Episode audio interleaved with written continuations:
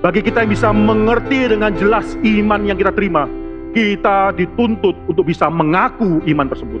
Banyak orang Kristen, bahkan mungkin banyak di GRI sendiri. Dia ditanya apa yang kamu percayai? Mereka mungkin menjawab, pokoknya percaya. Maka di sini saudara, believing and confessing dalam Roma pasal 10 tidak bisa dipisahkan. If you believe, if you confess.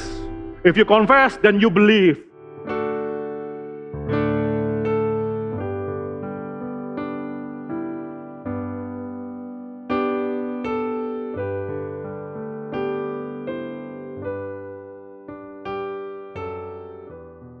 Saudara, mari kita buka Alkitab kita dalam khotbah eksposisi kitab Ibrani. Kita bersyukur ini adalah kali ke-32 kita mengkhotbahkan men, dengan setia ayat demi ayat kitab Ibrani. Kita sudah sampai dalam Ibrani pasal yang keempat dalam akhir tahun 2019 yang lalu kita bicara mengenai Ibrani pasal 4 ayat 12 dan 13. Itu mengenai firman Tuhan yang hidup dan berkuasa, yang aktif, yang kuat, Saudara. Hari ini kita akan membaca ayat 14, 15 dan 16 saya ajak kita semua untuk membaca firman Tuhan ini bersama-sama ayat 14 sampai 16 dan inilah firman Tuhan yang Tuhan berikan pada kita. Dua, tiga. Karena kita sekarang mempunyai imam besar agung yang telah melintasi semua langit, yaitu Yesus anak Allah. Baiklah kita teguh berpegang pada pengakuan iman kita. Sebab imam besar yang kita punya bukanlah imam besar yang tidak dapat turut merasakan kelemahan-kelemahan kita Sebaliknya sama dengan kita, ia telah dicobai, hanya tidak berbuat dosa. Sebab itu marilah kita dengan penuh keberanian menghampiri takhta kasih karunia, supaya kita menerima rahmat dan menemukan kasih karunia untuk mendapat pertolongan kita pada waktunya. Bila firman Tuhan ini menjadi suatu hal yang membekali kita ketika kita masuk dalam tahun 2020. Mari kita tundukkan kepala dan kita berdoa. Bapak dalam surga kami bersyukur ya Tuhan untuk firman Tuhan yang suatu Tuhan berikan pada kami dalam hidup kami yang suatu Tuhan limpahkan sehingga setiap saat kami bisa kapan pun di mana pun membaca firman Tuhan ini. Ya, isi hati Tuhan, rencana Tuhan berkenaan dengan keselamatan dan kehendakmu yang Tuhan nyatakan kepada umat-umat Tuhan. Ketika mereka orang-orang dunia membaca, mereka tidak bisa mengerti. Di anak-anak Tuhan bahkan yang paling sederhana sekalipun Tuhan berikan belas kasihan demikian limpah sehingga mereka bisa mengerti apa yang Tuhan inginkan daripada mereka. Ya Bapak kami mendasarkan pemberitaan firman Tuhan pada sore hari ini dalam nama Allah Tritunggal. Kami berdoa supaya kami sendiri dibukakan pikiran kami dan hati kami. Kami datang mungkin dengan pergumulan yang berbeda-beda. Kami datang mungkin dengan pikiran yang berat dan bebat yang berat. Jadi kami berdoa supaya pada sore hari ini kami datang ke hadirat dan takhta belas kasihan Tuhan.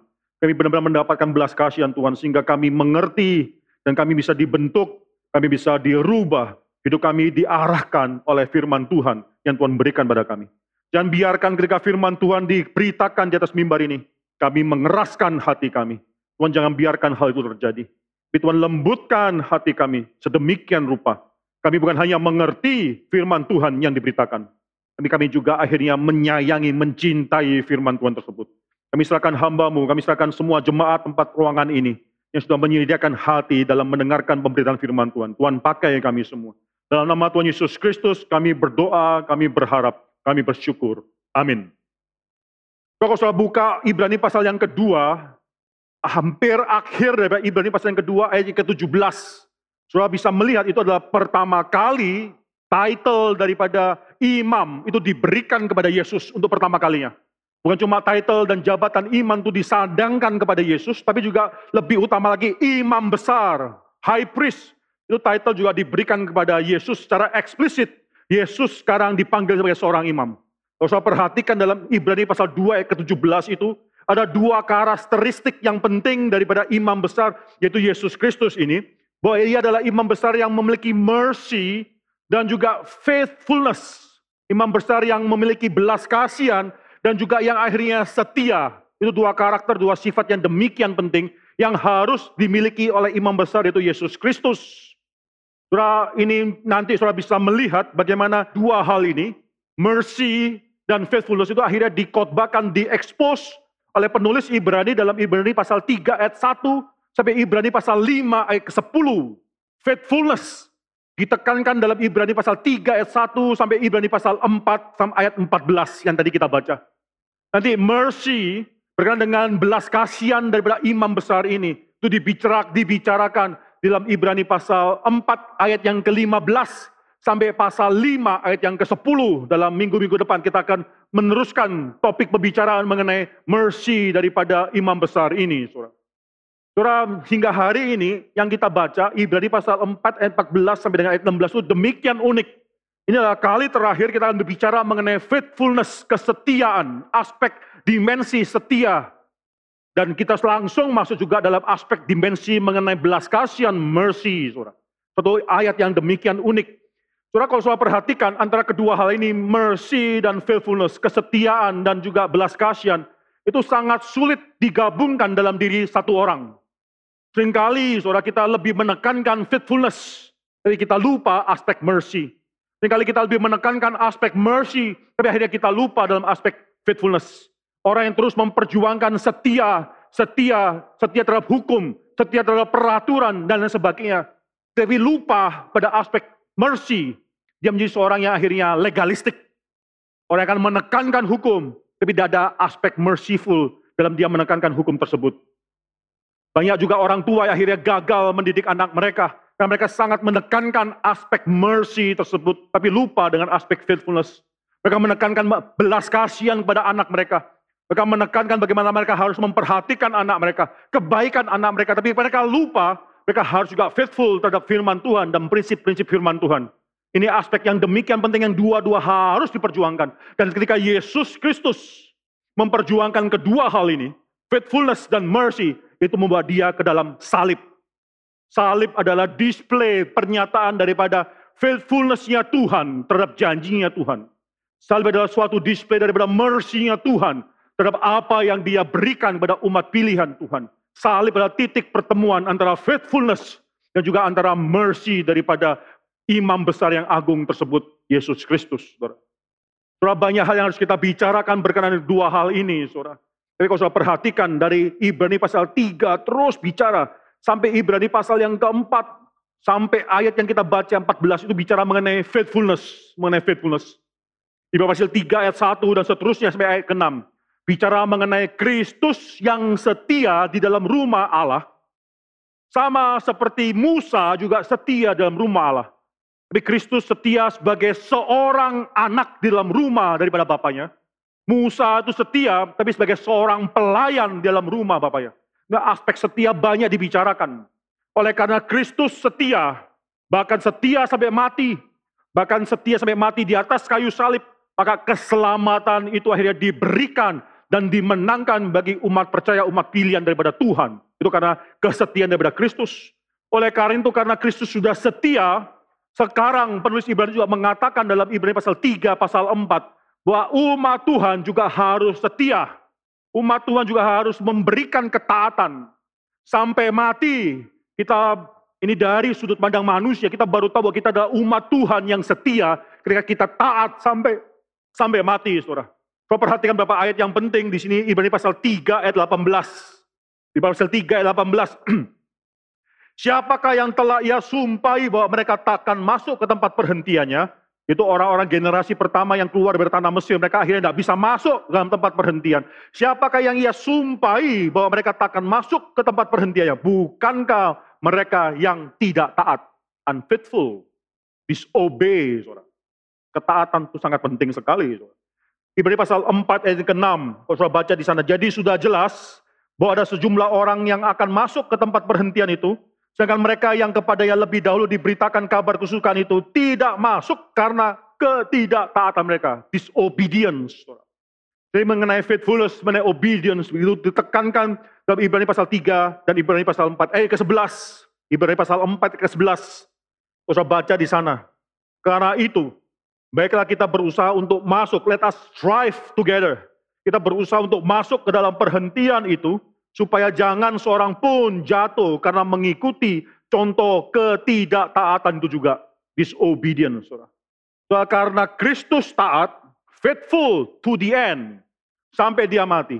Demikian juga kita sebagai anak Tuhan, kita harus render faithfulness, obedience kepada Tuhan kita sampai kita mati pula. Saudara. Suatu hal yang diperingatkan oleh penulis Ibrani. Jangan sampai engkau tidak taat, jika engkau tidak bisa masuk dalam tempat peristirahatan tersebut, saudara. Soal yang menarik tiba-tiba kalau saudara melihat dalam ayat yang ke-12 ke-13, tiba-tiba penulis Ibrani seakan ada suatu turning point berbicara mengenai firman Tuhan yang hidup dan yang aktif, yang kuat. Dan tradisi lainnya aktif, efektif. Maka di sini saudara tadi sebelumnya kita seakan memikirkan bahwa yang memegang peranan penting dalam hidup kita mentaati firman Tuhan atau tidak itu kita. Penulis Ibrani mengatakan jikalau hari ini engkau mendengarkan suaranya, Janganlah engkau mengeraskan hatimu seperti orang-orang pada zaman dahulu tersebut. Silakan kita yang mengambil peran aktif. Silakan kita yang melakukan, memilih mau taat atau tidak taat. Jadi kalau saya perhatikan ayat 12, 13 tiba-tiba terjadi suatu perubahan. Firman tersebut yang kau dengarkan itu adalah firman yang hidup dan yang aktif. Oleh karena itu firman tersebut ayat 12 bisa menusuk amat dalam Sampai membisarkan jiwa dan roh, sendi-sendi dan sumsum, kita tidak mengkotbahkan hal ini. Ayat 12-13 kita sudah khotbahkan tiga kali, saudara. Bahkan bukan cuma menusuk saja, ia sanggup membedakan. Dia bisa discern, bukan cuma penetrate, dia discern semua hal pertimbangan dan pikiran hati kita, our intentions and our thoughts dalam hati kita, saudara. Maka firman Tuhan adalah firman Tuhan yang akan menghakimi Tulisan di dalam Alkitab ini demikian berbeda dengan semua tulisan-tulisan manusia lainnya. Semua tulisan manusia lainnya bisa inspiratif, tapi hanya tulisan daripada Alkitab ini yang adalah nafas daripada Tuhan yang hidup itu. Hingga tulisan daripada Alkitab ini bukan cuma memotivasi kita dalam hidup sehari-hari kita, tapi inilah firman Tuhan yang akan menghakimi kita dan mengenal kita lebih daripada kita mengenal diri kita sendiri. Luar biasa, saudara. Firman Tuhan itu hidup dan aktif. Dia akan mencapai segala sesuatu yang Allah inginkan terjadi. Soal dalam ayat yang ke-14, kalau kita lihat tiba-tiba ada suatu perubahan lagi. Sebelumnya banyak bicara mengenai firman Tuhan, mendengar firman Tuhan, setia terhadap firman Tuhan, mementingkan pendengaran dan lain sebagainya. Ayat ke-14 kalau sudah perhatikan, di sini dengan dimulai dengan suatu kalimat, karena kita sekarang mempunyai imam besar yang agung, yang telah melintasi semua langit, yaitu Yesus anak Allah. Lalu disambung satu kalimat yang penting, baiklah kita teguh berpegang pada pengakuan iman kita. Saya sampai di sana, kita perlu memikirkan ayat ini dengan baik. Mengapa? Karena penulis Ibrani bukan mengatakan bahwa kita memiliki imam besar yang agung, yang demikian transcendent sudah melewati semua langit, yaitu Yesus anak Allah. Lalu dia mengatakan, marilah kita memegang dia. Malah kita berpegang teguh kepada dia. Bukan, saudara penulis Ibrani tidak mengatakan kalimat ini. Penulis Ibrani mengatakan, baiklah kita teguh berpegang kepada pengakuan iman kita. Sampai di sini, saudara banyak orang yang salah mengerti mengenai apa dan fungsi daripada pengakuan iman tersebut. Ada orang yang mengatakan bahwa the early church, gereja mula-mula itu tidak mungkin memiliki pengakuan iman. Pengakuan iman itu baru belakangan. Mungkin Nesia, salah satu yang paling tua, abad keempat, Nisia, Konstantinopel, Kalsidon itu abad belakangan, berapa ratus tahun setelah gereja mula-mula ada. Pengakuan iman itu terlalu kaku, mengkotak-kotakan, sedangkan gereja mula-mula itu diwarnai dengan pekerjaan roh kudus yang demikian dinamis. Kalau ada pengakuan iman itu seakan-akan sudah mengkotak-kotakan roh kudus. Kalau saya perhatikan gereja mula-mula, bahkan kitab suci atau kitab Ibrani ini kemungkinan sangat besar sekali dituliskan sebelum bait Allah di Yerusalem itu dihancurkan tahun 70, Saudara. Ini sangat mula-mula sekali setelah Yesus naik, mungkin 20 tahun, maksimum 30 tahun setelah Yesus naik dalam surga, penulis Ibrani sudah berbicara kepada audiens orang-orang Kristen dari orang Yahudi mula-mula tersebut. Di sini dikatakan engkau harus berpegang kepada pengakuan imanmu. Berpegang teguh pada pengakuan imanmu. Siapa bilang pengakuan iman itu adalah later development, belakangan baru ada? Tidak. Dari sejak semula sudah ada pengakuan iman. Ini sangat penting sekali. Tentunya pengakuan iman tidak mungkin bisa dilepaskan daripada apa yang sudah Yesus Kristus lakukan anak Allah tersebut. Kita bisa berpegang teguh pada pengakuan iman tersebut karena Yesus Kristus anak Allah itu setia, faithful sampai mati. Kalau dia ada setia, tidak ada pengakuan iman. Kalau dia tidak setia, tidak perlu ada pengakuan iman. Tapi karena dia setia, ada pengakuan iman. Berbicara mengenai dia, mengenai siapa dia. Surah mungkin sekali jemaat mula-mula pengakuan imannya itu sangat sederhana sekali. berkenan khususnya dengan pribadi Yesus Kristus, the person and the works of Jesus Christ, anak Allah tersebut. Tapi tetap adalah pengakuan iman. Coba kita buka berapa ayat, saudara kita buka, buka 1 Timotius. 1 Timotius pasal 3 ayat 16, itu juga bicara mengenai pengakuan iman gereja mula-mula. 1 Timotius 3 ayat 16. Saya akan bacakan dalam bahasa Inggrisnya. Coba saudara perhatikan kalau saudara memiliki bahasa, maaf saya akan membaca dalam bahasa Indonesianya. Kalau saudara memiliki Alkitab dalam bahasa Inggrisnya, saudara bisa bandingkan. Ayat 16, 1 Timotius pasal 3 ayat 16. Dan sesungguhnya agunglah rahasia ibadah kita. Lalu di sana ada kalimat-kalimat itulah intisari pengakuan iman mereka gereja mula-mula. Dia yang telah menyatakan dirinya dalam rupa manusia, dibenarkan dalam roh, yang menampakkan dirinya kepada malaikat-malaikat, diberitakan di antara bangsa-bangsa yang tidak mengenal Allah, yang dipercayai di dalam dunia, diangkat dalam kemuliaan, itu bicara mengenai pengakuan iman, khususnya mengenai siapa Kristus dan apa yang dia lakukan.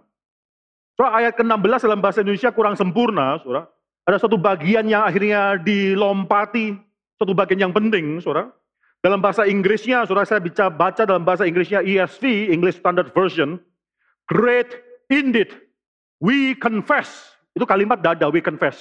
Kita akui, kami akui kami akui, great indeed we confess, is the mystery of godliness. Confession, saudara, adalah suatu hal yang penting. Confession mengakui adalah suatu hal yang tidak bisa dipisahkan daripada kita menyatakan diri percaya. Mengapa Gary Karawaci perlu belajar lebih mendalam lagi? Supaya kita tahu apa yang kita percayai.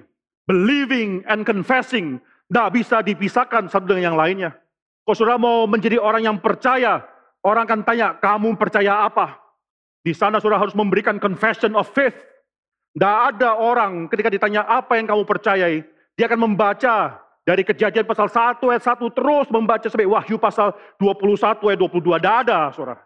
Ketika kita ditanya apa yang kamu percaya, pada saat itu kita dituntut untuk menyatakan pengakuan iman kita.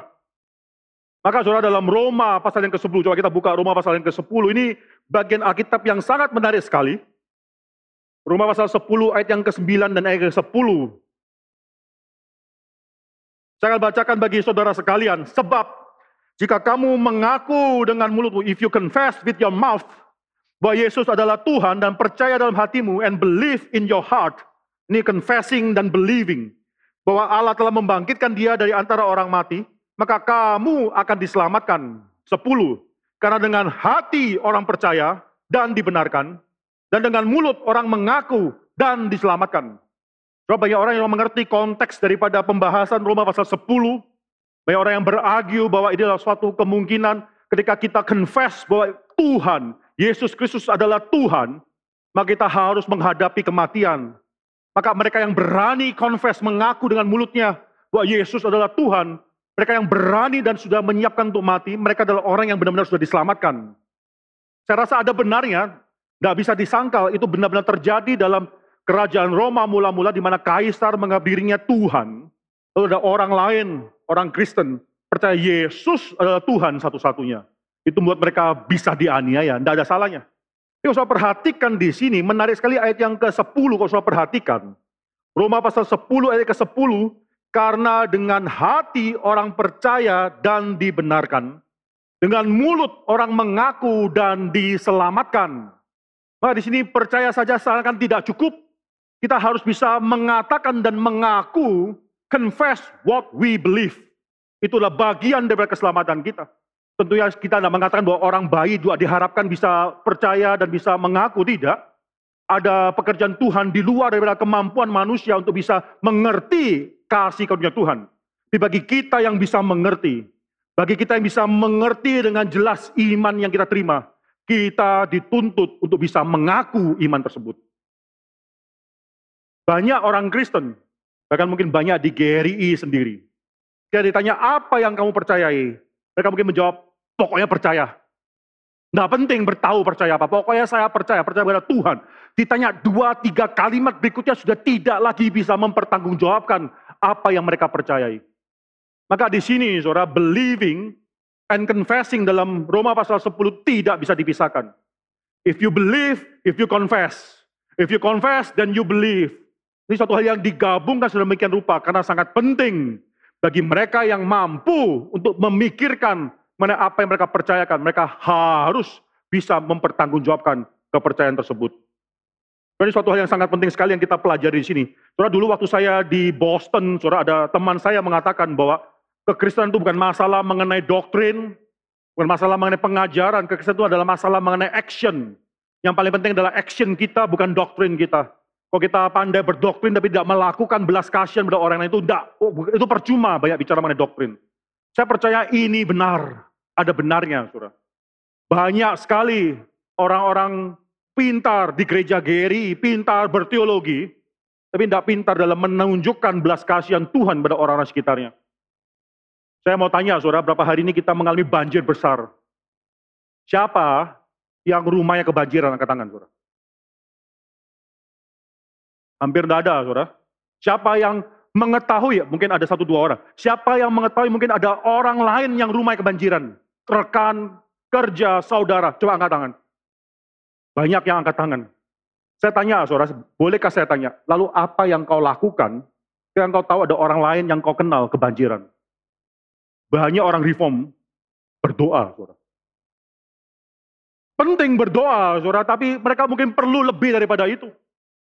Saudara, minggu lalu pada tanggal 1, saudara, kita mengadakan kebaktian tahun baru di Geri Karawaci. Lalu saya pergi dan saya harus pergi ke Pekalongan mengunjungi mama mertua saya di sana. Kami drive ke Pekalongan langsung dari sini drive. Di tengah jalan ada orang bertanya, sekarang ada jemaat kita yang rumahnya tergenang dengan air dan mau mengungsi. Bolehkah gereja dibuka dan menerima mereka? Saya katakan silakan buka, harus dibuka. Dan kalau bisa bukan cuma mereka yang mengungsi, Bagaimana dengan tetangganya mereka? Saya katakan bawa juga ke sini. Ketika mereka datang ke sini, jangan pikirkan mereka berhutang budi kepada Geri Karawaci, lalu setelah itu mereka harus beribadah di sini. Kita melakukan aksi belas kasihan kepada mereka. Kalau mereka mau bawa tetangganya untuk mengungsi bersama dengan mereka, silakan datang. Tapi tidak banyak yang mengungsi. Saya tanya, kenapa tidak banyak mengungsi? Banyak orang yang khawatir rumahnya kemalingan, saudara. Lebih baik banjir di dalam. Saya tanya, lalu bagaimana dengan listrik yang tidak ada dan sebagainya di gereja kita ada genset. Silakan buka genset. Kita bayar tidak apa-apa, orang bisa mengungsi, bisa tidur dengan tentram di sini, silakan. Tapi banyak yang tidak terlalu mau mengungsi, saudara. Terus suatu hari saya merindukan, saudara, Geri Karawaci, keberadaan Geri Karawaci tempat ini bukan cuma untuk memberitakan firman Tuhan, tapi juga menyatakan belas kasihan Tuhan pada orang-orang sekitar kita. Kalau Tuhan akhirnya memberikan satu kesempatan pada Geri Karawaci untuk menolong orang-orang sekitar kita itu suatu privilege daripada Tuhan yang luar biasa. Tapi waktu kita sebarkan silakan datang, orang tidak datang. Mungkin, saudara, mungkin saya katakan. Mereka tidak percaya pada Geri Karawaci. Karena selama ini Geri Karawaci belum melakukan banyak hal bagi orang sekitar. Mungkin mereka tidak percaya pada gereja ini sehingga mereka nggak datang. Mungkin mereka lebih mau ke, datang ke gereja lain atau ke tempat lain. Kapankah kita bisa menyatakan belas kasihan Tuhan? Kapankah kita berhenti pandai berdoktrin dan sekarang melakukan belas kasihan Tuhan kepada orang-orang. Bukan supaya mereka merasa berhutang budi harus beribadah di sini. Alkitab katakan Tuhan mengasihi baik itu orang yang benar dan orang yang jahat. Tuhan memberikan hujan bagi orang yang benar dan orang yang jahat. Tuhan memberikan matahari, menerbitkan matahari bagi orang yang benar dan orang yang jahat. Jadi Karawaci perlu belajar banyak dalam hal ini. Kita tidak mengharapkan ada bencana yang lain yang akan datang. Kita bukan mengharapkan tersebut tapi saya sudah katakan tadi siang ada beberapa orang yang berkumpul. Kita harus sudah memiliki tim yang siap bekerja. Bukan setelah bencana datang baru berpikir, mari bentuk panitia. Sudah telat, saudara. Itu air sudah surut. Setelah bencana datang, tim itu langsung bekerja. Dan melihat potensi-potensi di mana kita bisa memberikan bantuan. Pada saat ini, saudara kita bersyukur di Karawaci memiliki sekitar 10-12 dokter. Kita masih memikirkan satu hal, bagaimana follow up setelah bencana walaupun air sudah surut, tapi mungkin banyak yang infeksi. Banyak yang sakit. Kita mau mencari titik-titik di mana kita bisa menyatakan belas kasihan Tuhan. Cuma menjadi orang Kristen bisa menyatakan action. Itu sangat penting sekali. Tapi salah kalau kita pikir bahwa doktrin tidak penting. Salah teman saya di Boston yang mengatakan yang paling penting adalah action, doktrin dan tidak penting. Bukankah doktrin itu memisahkan orang? Bukankah doktrin itu akhirnya memecahkan gereja? Yang paling penting adalah belas kasihan. Tanpa sadar teman saya di Boston tersebut sudah dipengaruhi oleh seorang bapak daripada liberalisme, itu Friedrich Schleiermacher. Dalam pemikiran pada Friedrich Schleiermacher, dia membedakan antara kernel dan husk. Antara biji dan kulit. Kalau saudara mau makan kacang, saudara tidak makan semuanya bukan? Saudara cari, saudara buka khasnya, saudara buka kulitnya, saudara bisa dapatkan kacang yang saudara makan. Dia katakan kacang, kernel, inti daripada iman Kristen. Schleiermacher mengatakan adalah feeling of absolute dependence kepada Tuhan. Kita merasakan bagaimana kita memerlukan Tuhan secara absolut bergantung pada Tuhan. Dia katakan semua yang namanya pengajaran doktrin itu cuma husk yang tidak ada pentingnya, boleh dibuang. Bagaimana kita belajar untuk bisa renang di dalam lautan? Itu bukan dengan teori, satu tangan, satu tangan, kaki kepak berapa kali di belakang. Oh enggak, saudara. Pembelajaran yang paling tepat adalah langsung cemplungkan di laut tersebut. Lalu dia merasakan bagaimana dia harus bergantung kepada Tuhan. Di sana pembelajaran hidup orang Kristen yang sejati. Coba kita menolak ada porsi daripada doktrin pengajaran yang harus dituntut. Ada pengakuan iman yang harus dipelajari orang-orang Kristen. Pengakuan iman adalah intisari dari apa yang kita percayai. Kalau kita menjadi orang Kristen bisa percaya tapi tidak bisa confess something wrong ada dalam hidup kita. Berarti kita masih menjadi orang Kristen yang sangat-sangat dangkal.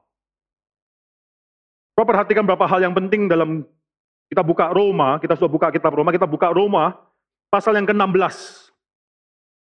Roma pasal 16 ayat yang ke-17. Saya akan bacakan, Saudara. Tetapi, ya, tetapi aku menasihatkan kamu saudara-saudara, supaya kamu waspada terhadap mereka yang bertentangan dengan pengajaran yang telah kamu terima, menimbulkan perpecahan dan godaan. Sebab itu hindarilah mereka. Kalau di dalam bahasa Inggrisnya ini bukan cuma bertentangan dengan pengajaran teaching, tapi bertentangan dengan doktrin, dengan doktrin yang sudah diajarkan. Gereja mula-mula mengajarkan doktrin. Justru doktrin itu memisahkan antara orang yang benar, pengajarannya benar dan mereka yang tidak benar. Doktrin bukan memecahkan gereja. Doktrin itu menyatukan gereja. Perhatikan sekali lagi di sini, saudara. Kamu harus waspada terhadap mereka yang bertentangan dengan doktrin yang telah kamu terima, menimbulkan perpecahan dan godaan. Mereka yang menimbulkan perpecahan. Ini orang yang benar disatukan di dalam suatu doktrin yang benar, saudara. Sebab itu hindarilah mereka. Coba kita baca Efesus. Efesus pasal 4 ayat yang ke-14. Coba bisa baca Efesus pasal 4 ayat ke-14. Saya bacakan bagi saudara sekalian. Sehingga kita bukan lagi anak-anak yang diombang-ambingkan oleh rupa-rupa angin pengajar di sana bukan cuma teaching, tapi rupa-rupa daripada angin doctrine. The wind of doctrine, saudara. Kita diombang-ambingkan dengan rupa-rupa angin doktrin tersebut oleh pemainan palsu manusia dalam kelicikan mereka yang menyesatkan. Bukti bahwa kita bertumbuh menurut Alkitab, kita mengenal pengajaran yang benar. Kita mengenal dan memegang doktrin yang benar. Dan pengajaran atau doktrin yang benar tersebut disimpulkan sekali dalam pengakuan iman kita.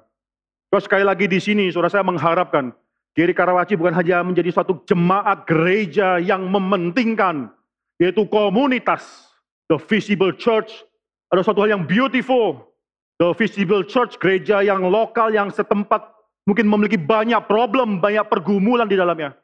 Tapi memiliki belas kasihan Tuhan di dalamnya. Kita harus mementingkan suatu komunitas. Tapi di sini, saudara, komunitas yang menyatakan imannya. A confessing community. Itu suatu hal yang sangat penting. Tahun 2020 kita menekankan dua hal ini. Kita menekan kita menjadi suatu gereja yang semakin melihat pentingnya komunitas bergereja.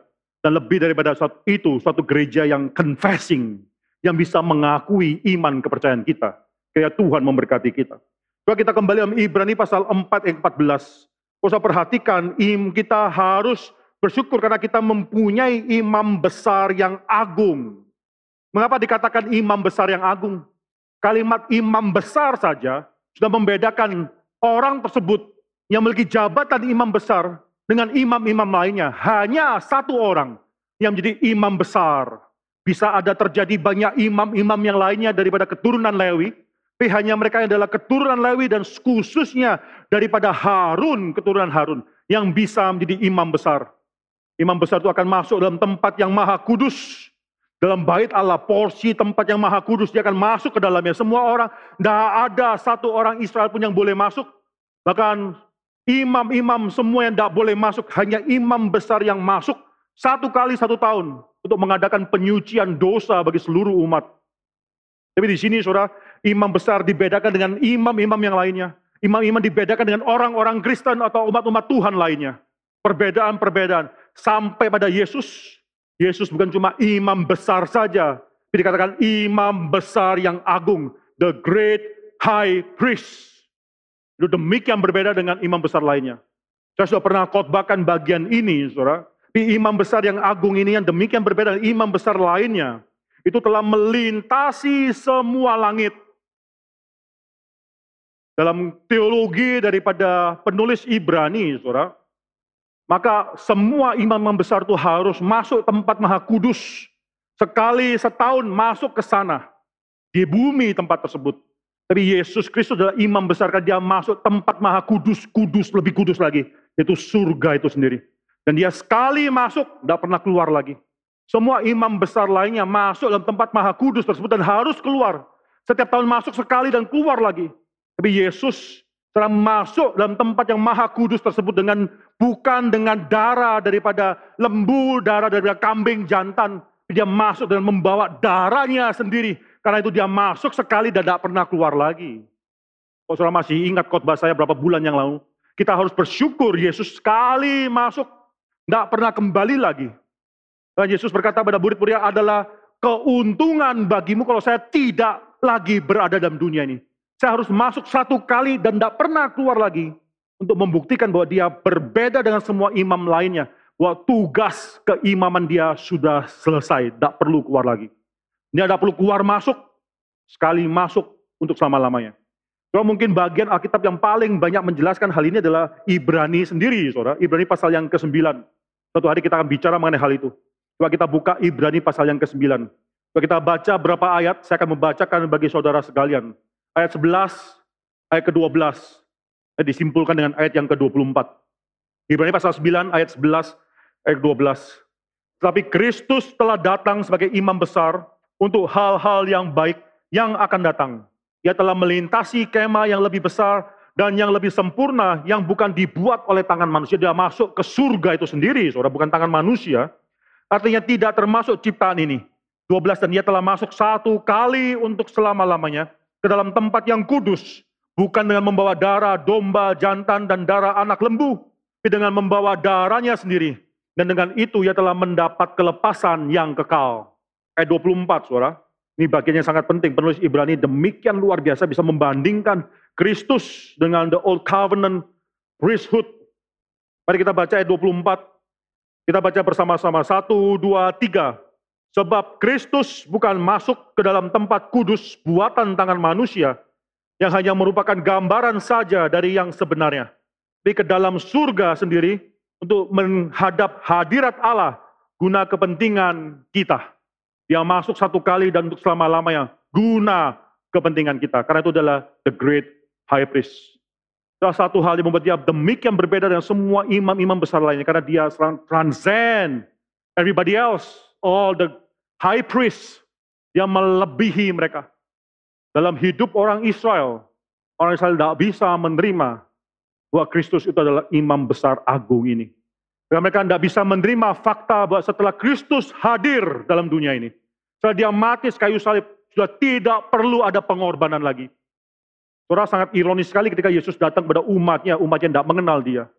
Dan ketika akhirnya dia mengorbankan dirinya di salib di atas kayu salib pada hari itu juga orang Israel sedang menyembeli dombanya untuk bisa mengampuni dosa-dosanya. Padahal the great high priest sudah berkorban. Saya percaya Tuhan memberikan waktu berpuluh-puluh tahun setelah Yesus mati di kayu salib. Membuat kesempatan, memberikan kesempatan orang Israel untuk bisa bertobat, tapi mereka tidak bertobat. Maka daripada itu, saudara, ketika mereka tidak bisa menerima finalitas daripada pekerjaan Kristus. Tuhan melalui pemerintah Romawi, Jenderal Titus, yang menghancurkan bait Allah tersebut. Karena mereka merebut kemuliaan yang harusnya dimiliki oleh Kristus. Saya percaya ketika Yesus datang itu bukan meresponi sejarah. Tapi sejarah semua berputar daripada apa yang Allah lakukan melalui Yesus Kristus. Dan sudah berpuluh-puluh tahun, engkau masih belum percaya, engkau masih membangga-banggakan bait Allah. Engkau masih membangga-banggakan pengorbanan dan korban-korban yang kau berikan. Maka Tuhan sekarang hancurkan tahun 70 Masehi di bawah Jenderal Titus Romawi menghancurkan, mengalahkan Yerusalem. Dan ketika mereka sampai di bait Allah, mereka menghancurkan seluruh bait Allah tersebut. Sampai sekarang, orang Israel tidak lagi memiliki bait Allah. Bagi saya, itulah suatu penghakiman Tuhan terhadap kedegilan hati mereka yang terus menolak Kristus. Tuhan hancurkan kebanggaan mereka. Mengapa? Kristus is the great high priest. Sudah berhenti, tidak perlu lagi. Kristus is the great sacrifice. Sudah tidak perlu lagi ada sacrifice yang lainnya. Kristus is the temple itself. Sudah tidak perlu ada temple lainnya. Kristus adalah tempat perhentian tanah perjanjian tersebut. Tempat perhentian kita. Sudah tidak perlu lagi ada tanah perjanjian yang kita harapkan. Luar biasa, saudara. Dia adalah the great high priest. Dia demikian berbeda. Kita katakan dia sudah menembus semua langit. Transcends everybody else. Itu membuat dia adalah imam besar yang agung. Tapi dalam ayat yang ke Ibrani pasal 4, saudara coba kita buka lagi, Ibrani pasal 4 yang ke-15, 16, dikatakan ada sifat imam besar yang agung ini yang lainnya. Imam besar ini dikatakan imam besar yang agung karena satu sifat yang penting. Karena dia mengerti kelemahan-kelemahan kita. Apa jadinya, saudara? Kalau kita dituntut oleh Tuhan untuk selalu perfect, selalu akhirnya bisa memberikan yang sempurna pada Tuhan, bahkan hidup kita. Fakta menunjukkan belum lama 2020 sudah masuk, kita sudah berdosa lagi. Kita sudah jatuh dalam dosa lagi. Berapa banyak orang Kristen mungkin digoda oleh iblis yang mengatakan engkau adalah orang yang berdosa, engkau sudah tidak lagi bisa mentaati Tuhan, engkau tidak layak menjadi pengikut Tuhan. Tapi pada saat ini firman Tuhan berkata, pada hari ini, dia mengatakan bahwa imam besar kita memang agung dan dia mengerti bagaimana berbelas kasihan pada kita. Dikatakan dalam ayat ke-15, ini adalah suatu double negatif, saudara. Sebab imam besar yang kita punya bukanlah imam besar yang tidak dapat menurut, tidak dapat turut merasakan kelemahan-kelemahan kita. Ini double negatif. Dia bukan imam besar yang tidak dapat merasakan kelemahan-kelemahan kita. Bahkan sama seperti kita, dia dicobai. Ketika anak Allah itu datang dari surga, inkarnasi dalam dunia, dia mengambil tubuh manusia. Dan sampai nanti kita mendapatkan tubuh kebangkitan. Ini kita sudah bicara tanggal 15 Desember, banyak bicara mengenai tubuh kebangkitan. Saudara coba cari dalam sekretariat kalau saudara mau mempelajari. Saudara di dalam ringkasan khotbah Gere Karawaci, saudara, saya menuntut diri saya sendiri untuk akhirnya memeriksa kata demi kata daripada semua ringkasan tersebut. Sekali orang dulu mengatakan ringkasan khotbah ini belum diperiksa oleh hamba Tuhan yang berkhotbah. Saya katakan mengapa harus keluar kalimat itu? Saya periksa satu persatu. Mungkin masih ada kesalahan, salah ketik, salah mungkin secara grammar dan sebagainya. Tapi saya berani yakinkan, saudara, itu semua yang ada dalam ringkasan khotbah tersebut dipertanggungjawabkan, teologinya bisa dipertanggungjawabkan. Karena saya periksa kata demi kata. Kadang-kadang kalau saya periksa, saudara, itu yang ngetik sudah pakai waktu yang lama, itu benar-benar word for word, dia ketik satu-satu. Waktu saya periksa satu ringkasan khotbah, kadang-kadang pakai waktu dua jam, tiga jam untuk menyelesaikannya. Tapi saya mau bertanggung jawab supaya saudara mendapatkan ringkasan khotbah dengan teologi yang saya pertanggungjawabkan. So, dalam ringkasan khotbah tanggal 15 Oktober dalam khotbah 15 Oktober tersebut, saya mengatakan bahwa tubuh kemuliaan, tubuh kebangkitan itu akan jauh lebih mulia pada tubuhnya kita saat ini. Itu bisa dimengerti. Bisa juga katakan bahkan tubuhnya Adam sebelum jatuh dalam dosa tetap lebih mirip tubuhnya kita sekarang ini dibandingkan tubuh kemuliaan yang akan kita nantikan dari Tuhan. Soalnya saya percaya Yesus datang dengan tubuhnya Adam sebelum dia jatuh dalam dosa. Saya percaya. Tidak fair sekali kalau Yesus datang dengan tubuhnya kita yang sudah dicemari oleh dosa. Sebagai Adam yang kedua, paralel tersebut, Yesus datang dengan tubuhnya Adam sebelum jatuh dalam dosa. Tapi nanti sampai kita mendapatkan tubuh kemuliaan tersebut, kita memiliki tubuh yang lemah. Itu perkataan dari Paulus 1 Korintus pasal 15. Tubuh ini adalah tubuh yang lemah. Bahkan tubuhnya Adam sebelum jatuh dalam dosa. Bagi Paulus adalah tubuh yang lemah, tubuh yang hina. Kita gampang berdosa melalui tubuh yang lemah ini. Kita bisa memikirkan keinginan-keinginan daging kita. Kita gampang berdosa karena kita belum memiliki tubuh kemuliaan yang tidak bisa dibinasakan.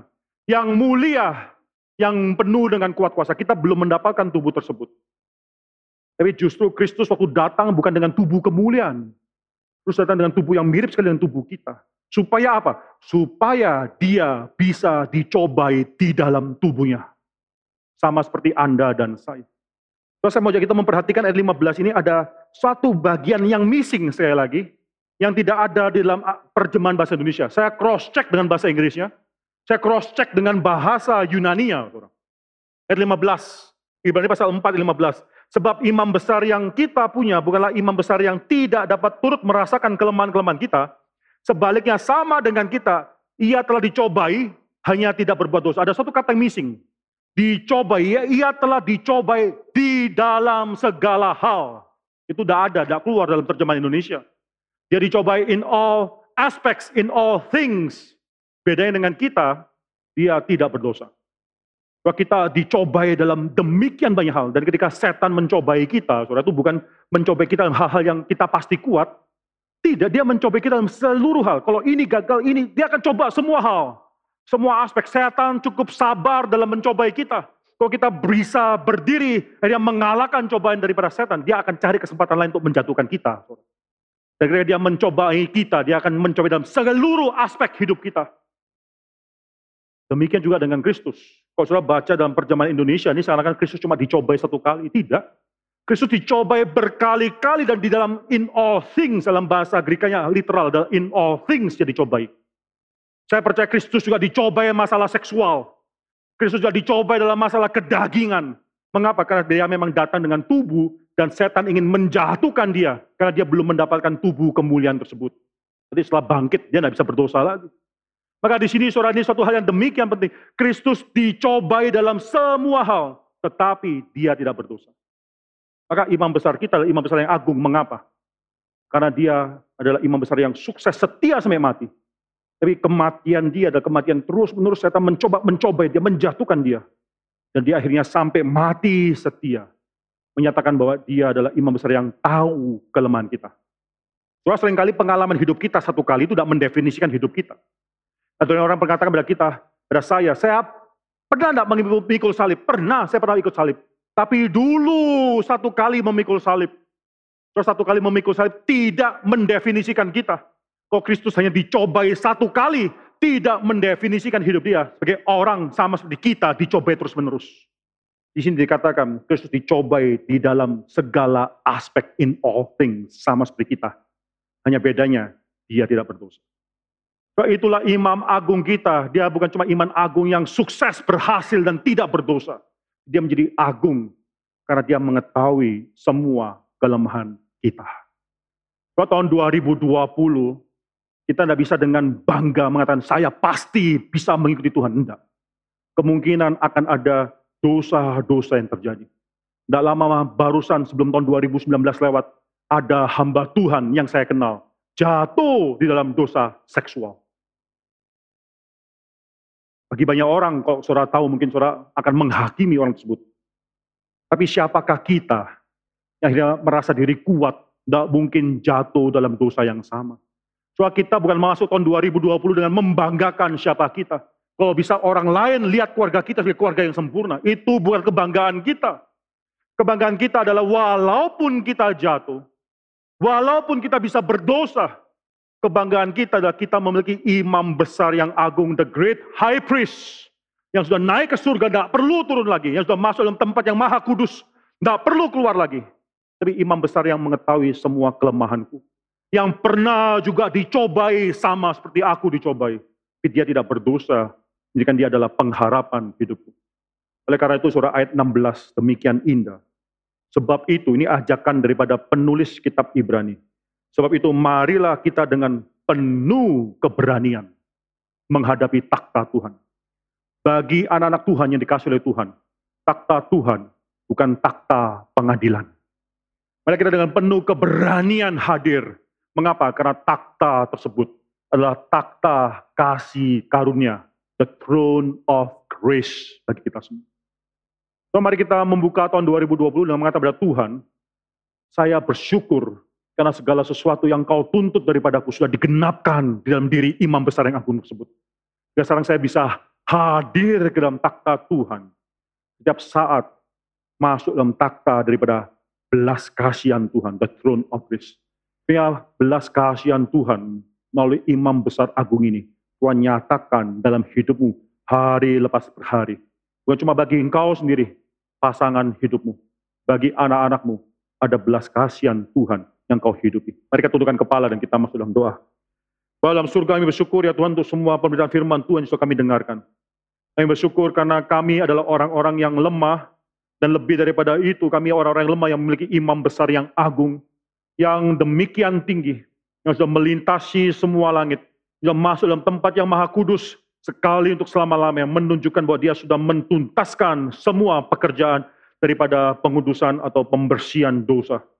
Kami berdoa untuk diri kami, kami dalam hidup selalu mengalami dosa demi dosa. Mungkin banyak daripada kami dalam tahun 2020 yang baru lima hari ini saja, kami sudah melakukan dosa menyakitkan hati Tuhan. Dalam ketidaksetiaan kami, engkau setia. Dalam ketidaksetiaan kami, engkau terus menjaga kami. Engkau memberikan kepada kami seorang imam besar agung yang mengetahui semua kelemahan-kelemahan kami. Sama seperti kami, dia pernah dicobai berulang kali dalam segala cara, tapi tidak berdosa. Kami bersyukur karena yang memerintah kami adalah seorang yang mengerti bagaimana kami bergumul dalam dunia yang sementara ini. Hamba menyerahkan semua jemaat tempat ini, jemaat Geri Karawaci, jemaat daripada Sinode Geri, di mana pun mereka berada. Tuhan berikan belas kasihan Tuhan kepada mereka, pasangan hidup mereka, orang tua mereka, anak-anak mereka. Sehingga kami semua dapat mengatakan bahwa dengan berani kami menghadap Tuhan, menghadap tatah kasih setia Tuhan ketika kami jatuh dalam dosa. Tuhan topang kami satu persatu. Misalkan hidup kami, Engkau adalah Tuhan yang setia. Dan karena itu kami mau setia mengikuti Tuhan. Dalam nama Tuhan Yesus Kristus kami berdoa dan mengucap syukur. Amin.